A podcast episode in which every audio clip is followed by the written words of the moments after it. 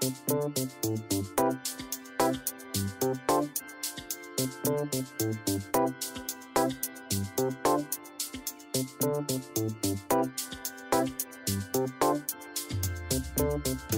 pendengar, selamat datang di podcast dokter pribadi sesi yang ke-17. Saya host Anda, Haryadi Wijaya. Di sesi kali ini, kita kembali berbincang dengan Dr. Agus Herianto, spesialis obstetri dan ginekologi mengenai masalah infertilitas atau kemandulan. Jika minggu lalu di sesi 16, Dr. Agus sudah berbicara soal apa itu sebenarnya kondisi yang dikatakan dengan mandul, di sesi ini saya akan berbincang dengan beliau mengenai bagaimana cara mengatasinya, baik dari sisi pria maupun wanita. Salah satu pertanyaan yang paling sering kita dapatkan adalah, apakah bayi tabung merupakan solusi paling jitu dalam menghadapi kemandulan? Ataukah ada cara-cara lain untuk mengatasinya? Mari, simak perbincangan kami kali ini.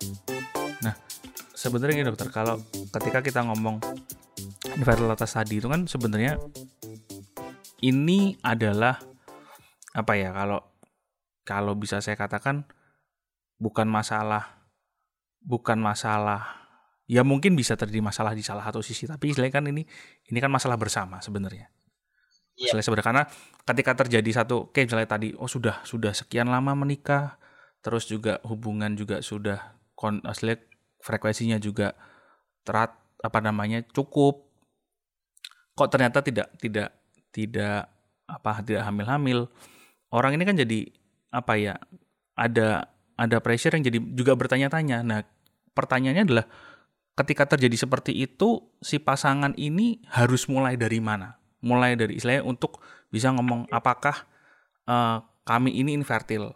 Kemudian masalahnya di mana? Harus mulai dari mana untuk melakukan checkingnya itu sebenarnya? Sampai istilahnya bisa katakan checking awal sampai kemudian ke profesionalnya. Oke, jadi checking sangat saya sarankan langsung temui dokter spesialis kandungan. Dua-duanya. Ya harus berdua pasangan kan mau hamil dua-duanya. Iya ya.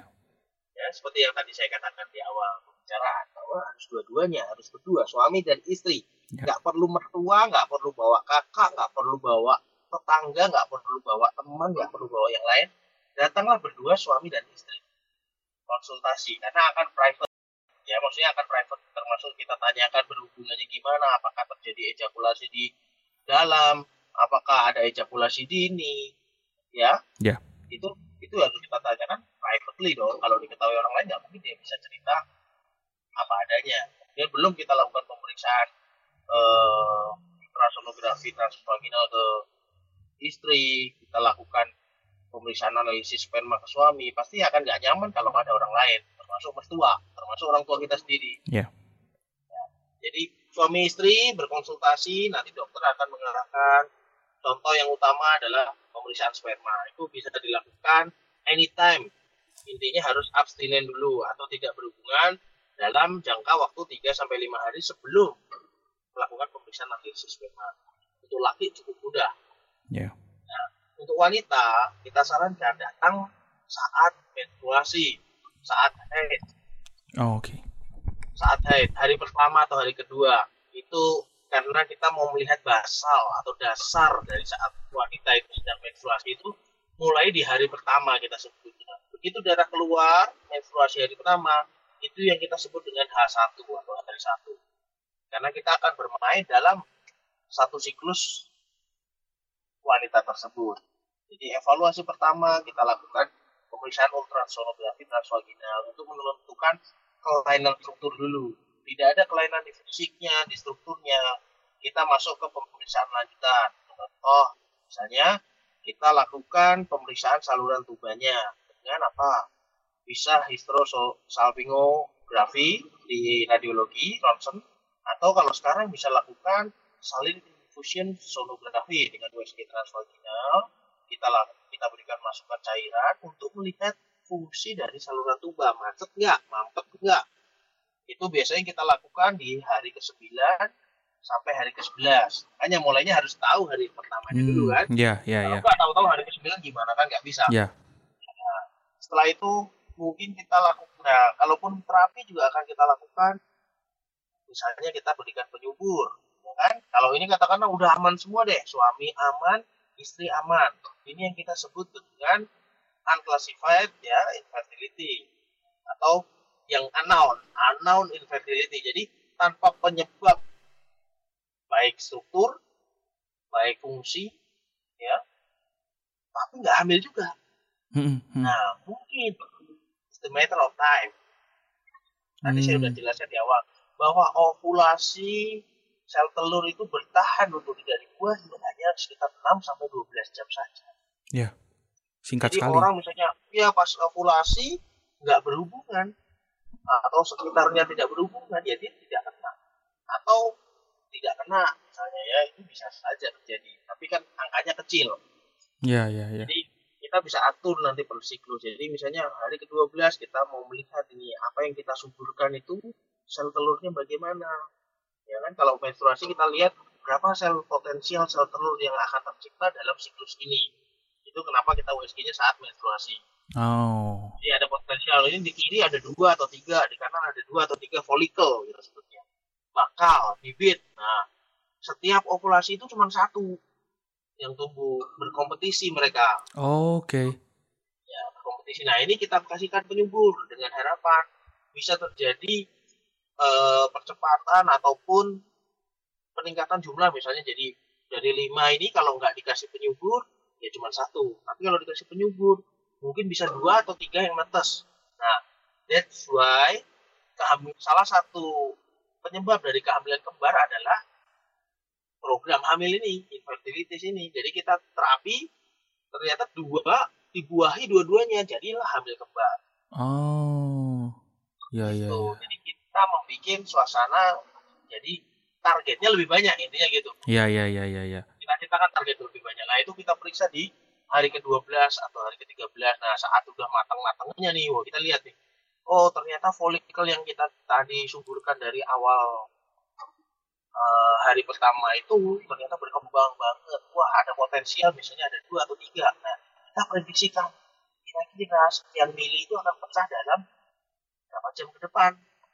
Nah, Hmm. kita wanti-wanti ke pasien bahwa berhubungan saat jam sekian atau jam sekian atau malam ini atau besok pagi atau berapa ya intinya situasional kita bisa eh, arahkan. Itu Iya, kalau iya. yang eh, namanya dengan pemantauan folikel ya jadi program hamil dengan pemantauan folikel. Itu yang paling simpel dan paling sederhana yang bisa kita lakukan sebelum kita masuk teknik-teknik yang lain. Seperti misalnya inseminasi seperti misalnya bayi tabung nanti Iya, iya, iya. eh, ya intinya kita pastikan dulu bahwa ini unknown infertility tanpa kaus yang macam-macam ya kita coba dulu lini pertama Iya, soalnya mungkin bisa terjadi nggak eh, nggak ada masalah di di fisik at- atau selek nggak ada masalah sebetulnya cuma karena karena waktunya tidak tepat atau frekuensinya juga itu jadi malah tidak tidak hamil-hamil itu ya dokter ya. ya Ya, nah, banyak banyak juga itu yang terjadi iya sebenarnya nggak nggak nggak apa-apa cuma ketemunya mungkin kurang atau hubungannya Ya. juga So, pa- hubungannya mungkin cuma sebulan sekali tapi sebulan sekali malah tidak di saat yang tepat ya malah juga nggak mungkin nggak Iya, jadi-jadi juga. terjadi. Ya, ya, Iya. ya, ya. Nah, itu kan istilahnya kalau memang ya tidak ada masalah lanjutan. Nah, kalau masalah lanjutan ini dokter, ini mungkin kalau saya agak potong ya. Salah satu solusi yang paling umum, yang paling sering kita dengar itu adalah IVF, bayi tabung. oke Pertanyaannya adalah karena kadang gini ketika ketika obrolan uang orang awam nih, kemudian istilahnya apa namanya nggak ada pasangan nggak hamil-hamil gini, selalu aja ada aja orang di dalam obrolan yang untuk ya udah bayi tabung aja gitu loh. Sebenarnya perjalanan dari awal sampai tadi deteksi itu sampai klik secara medis orang tuh istilahnya harus sampai oh memang harus bayi tabung. Ini perjalanannya kayak apa? Karena kan kalau lihat kalau denger dari penjelasan dokter ini panjang ini sebenarnya ceritanya. Betul. Nah itu Ya. gimana sebenarnya perjalanannya dokter sampai ke sana itu? Jadi begini itu yang harus kita jelaskan sebenarnya di awal. Kalau pemeriksaan suami istri itu selalu saya juga menjelaskan apa langkah-langkah dari awal sampai akhir dengan beberapa jenis alur yang mungkin terjadi. Ibaratnya kita ngomong plan A, B, C, D gitu. Ya. Ya, karena akan bervariasi tergantung apa yang kita temukan masalahnya. Karena tidak sama setiap masing-masing orang. Hmm. Gitu. Jadi yang tadi yang eh, kita sebelum sebenarnya sebelum bayi tabung itu ada yang disebut dengan inseminasi. Oke. Inseminasi intrauterin. Jadi nah ini biasanya biasanya di kasus di laki-laki. Misalnya sel sperma yang jumlahnya tidak cukup baik atau gerakannya yang agak lambat atau bentuknya yang kurang segala macam. Nah, itu kita biasanya lakukan processing. Processing itu kita ya dengan teknik ya kimia kemudian di centrifuge di centrifuge itu untuk eh, mencari sperma yang baik. Intinya memisahkan sperma yang baik dengan sperma yang jelek Oke. selnya. Itu kita nanti setelah itu kita setelah proses kita ambil nah sambil kita programkan kita berikan penyubur pada wanita. Biasanya kalau teknik yang cepat ya dengan injeksi. Jadi kita masukkan injeksi untuk meningkatkan jumlah sel telurnya. Kemudian saat dia mendekati ovulasi, kita pecahkan dengan obat juga dengan beta HCG biasanya. Jadi waktunya akan jelas sekali waktunya. Kita Hmm. yang tahu waktunya. Ya.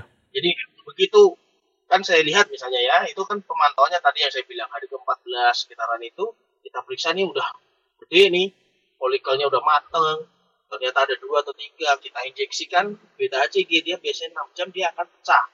Itu kita pantau lagi, begitu pecah. Tadi hasil sperma yang sudah saya simpan yang kualitas bagus itu, saya masukkan dengan alat, masukkan langsung ke dalam rahim, disemprotkan. Oh, Ya. Oke. Jadi istilahnya itu kita memangkas eh, memangkas perjalanan si sperma ini. Karena sperma kalau misalnya cuma dari koitus aja Hmm. itu kena kena leher serviks sudah banyak yang mati. Kemudian melalui rahim naik ke atas nggak semuanya bisa.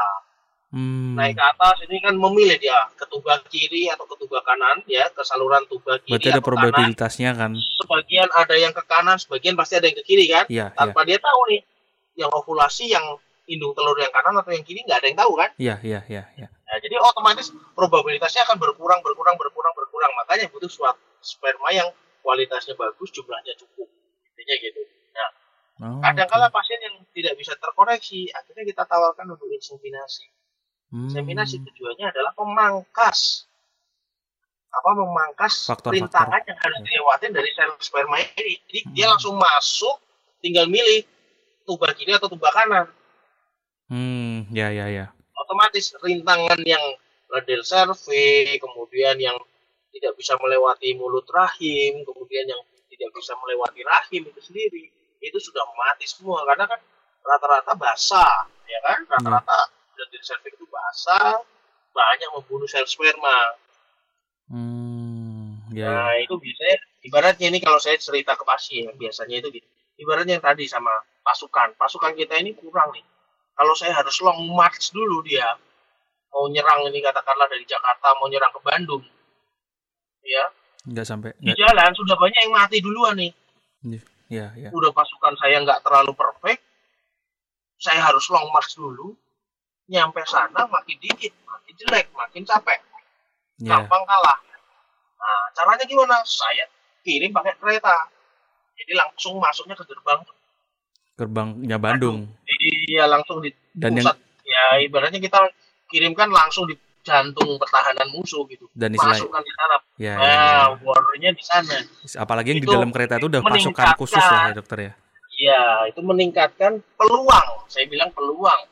Meningkatkan peluang kita untuk menang. Hmm, ya, Nah, itu namanya inseminasi. Sekilas ya. ya. sebelum masuk ke IVF. Nah, IVF ini kapan dipilihnya sebenarnya?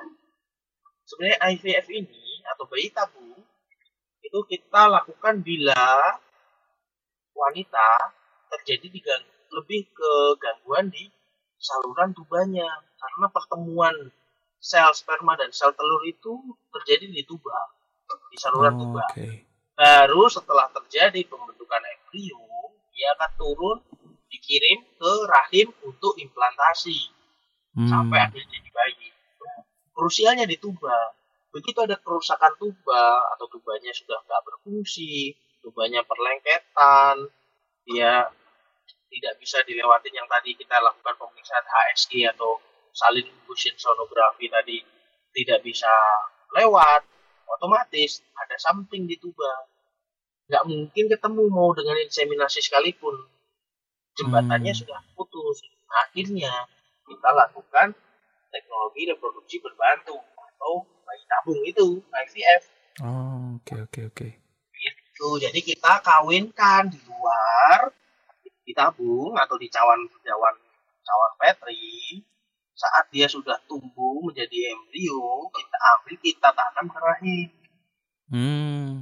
Dan itu dipilih murni karena memang tempat pertemuannya sudah tidak memungkinkan untuk bertemu istilahnya dokter. Ya, harusnya awal begitu. Cuman kadang ya kita pilih lagi by case by case ya kadang yang sudah mau cepat kemudian usianya yang sudah wanitanya wanita ini kan masa suburnya bisa dibilang masa reproduksi di bawah 35 tahun paling bagusnya kan ya itu di atas 35 tahun kualitas sel telur pun sudah menurun. Hmm. otomatis ya kita percepat. Misalnya dia datang sudah umur 33 sudah tinggi ya mungkin nggak usah lah lama-lama kita ikutin apa alur algoritma yang diajarkan di sekolah ibaratnya. Kita ber, ber apa namanya ya, berimprovisasi. Misalnya ya udah ini, ini masalahnya di sini cepat aja kita langsung masukkan ke bayi tabung misalnya. Karena untuk change ini ya untuk lagian kalau hamil kan juga di atas 35 tahun masuk di kehamilan risiko tinggi yeah. berisiko untuk abortus berisiko untuk yang namanya preeklamsi berisiko untuk diabetes dalam kehamilan dan lain-lain hmm ya ya ya ya memang akhirnya melihat case-nya juga sebenarnya. Yes. Istilahnya selain istilahnya selain karena ngeliat kondisi keadaannya itu juga melihat resiko resiko nantinya ketika kehamilan sebenarnya dokter ya. Iya. Iya iya iya iya. Nah sebenarnya kalau gini, yang jadi pertanyaan juga ketika ngomong soal ini mulai sudah masuk menyinggung ke arah bayi tabung ya dokter. Uh, resikonya sebenarnya resikonya kita kan ketika ada prosedur kan kita nggak nggak ngomong manisnya aja tapi resikonya resiko dari IVF itu sendiri sebenarnya ada nggak kalau atau apa? Oke, resiko resiko ini selama biasanya yang terjadi adalah selama kita memberikan golong apa ya jadi hormonal yang kita masukkan itu FSH itu kan kita harapannya itu meningkatkan peluang ya. Yeah meningkatkan peluang untuk terjadinya ovulasi atau sel telur yang cukup banyak. Jadi kita akan mengkolek banyak sel telur untuk dikawinkan dengan banyak sperma. Ya, nanti kita tahu embrio mana yang kualitasnya good, yang excellent, yang good atau kualitasnya lah. Jadi kita akan tanamkan itu yang paling bagus. Hmm. Nah, yang nggak ditanam di mana kalau udah terjadi hamil, akhirnya akan disimpan. Iyalah yang menjadi kontroversi itu orang tidak mau hamil lagi yang disimpan ini kan sudah embrio udah di frozen oh, oke okay. untuk bertahun-tahun atau bertahun oh, oke okay. Jadi kita kolek beberapa nggak jam jadi kita intinya membuat uh, wanita ini ada sel telur yang matang banyak. Kalau normalnya cuma satu setiap bulan ini kita ciptakan sel telur yang yang matang itu banyak waktu hmm. siklusnya dengan kemudian FSH kita multiply itu namanya. Jadi dinaikkan akhirnya diambil. Nah diambil ini nanti dicek. Di antara misalnya dapat 6 sel telur nah 6 sel telur ini kualitasnya gimana dinilai dulu oleh patolog nanti dinilai oke okay, misalnya tiga excellent tiga good ya kita prioritas tiga excellent dulu nih kita kawinkan dengan sperma masukkan hmm. ya, nanti tumbuh nggak embrionya katakanlah dari tiga ini tadi ternyata dua yang embrio excellent, satu yang good embrio. Ya kita masukkan dua. Hmm. Bisa saja dua ini jadi hamil dua-duanya, jadi kembar. Atau satu gugur, ya jadi satu. Tapi makanya kehamilan kembar itu sering terjadi pada IVF karena yang dimasukkan nggak cuma satu, dua oh, atau tiga bahkan. Okay. Ya ya ya. Nah, otomatis begitu hamil kembar sudah masuk patologi kehamilan atau triplet misalnya hamil kembar tiga itu susah karena itu risiko terjadi persalinan prematur, risiko terjadi preeklamsi, risiko terjadi diabetes dalam kehamilan. Jadi uh, itu yang resiko yang bisa terjadi selama pemberian uh, apa selama teknik reproduksi pembantu atau IVF. Nah, yang kedua, saat saat kita menciptakan banyak sel telur yang matang, itu pun bisa terjadi tinggi sekali hormonnya kan estrogennya kan yeah. karena molekel ini menghasilkan estrogen. Itu yang bisa kita sebut dengan over hyperstimulation syndrome. Pasien bisa jadi shock apa segala macam. Nah itu makanya butuh pengawasan yang ketat selama melakukan IVF. Oh iya iya iya karena ya itu sangat bakal istilahnya karena produksi hormon yang luar biasa itu sangat mempengaruhi. Iya pasti. OHSS namanya. Iya, kalau iya. orang apa kalau ini yang dengar ini mau browsing bisa OHSS over stimulation syndrome. Hmm, ya ya ya ya.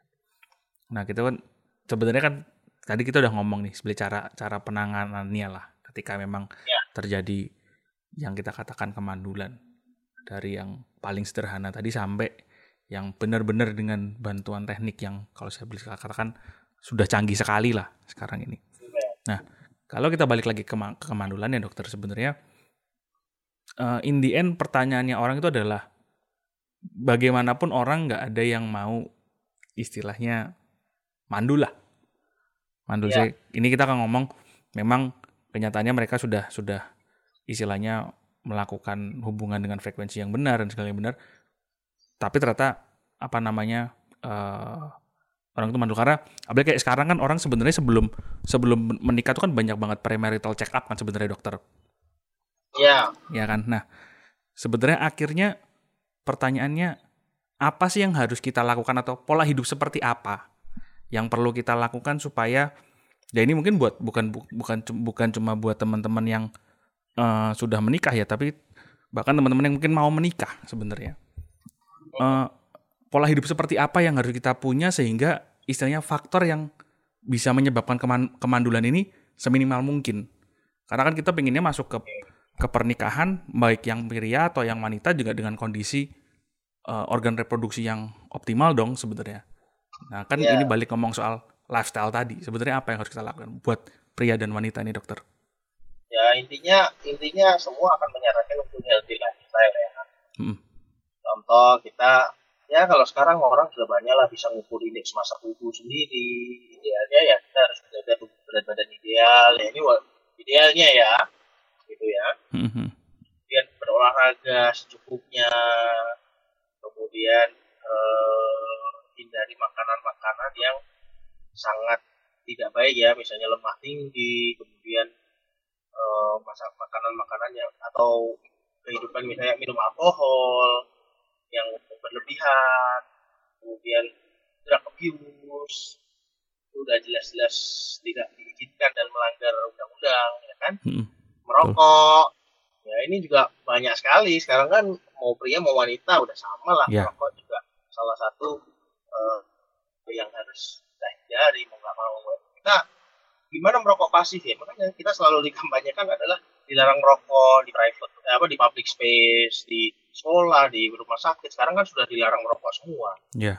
karena memang tidak hanya orang yang merokok saja merokok pasif pun bisa mendapatkan kerugian yeah. ya kerugian dari orang yang merokok kemudian tidak ya tidak seks bebas kemudian ya jadi kan karena seks bebas bisa memicu infeksi menular seksual ya yeah kemudian tidak gonta ganti pasangan, yeah. no sex before married, ya seperti itulah.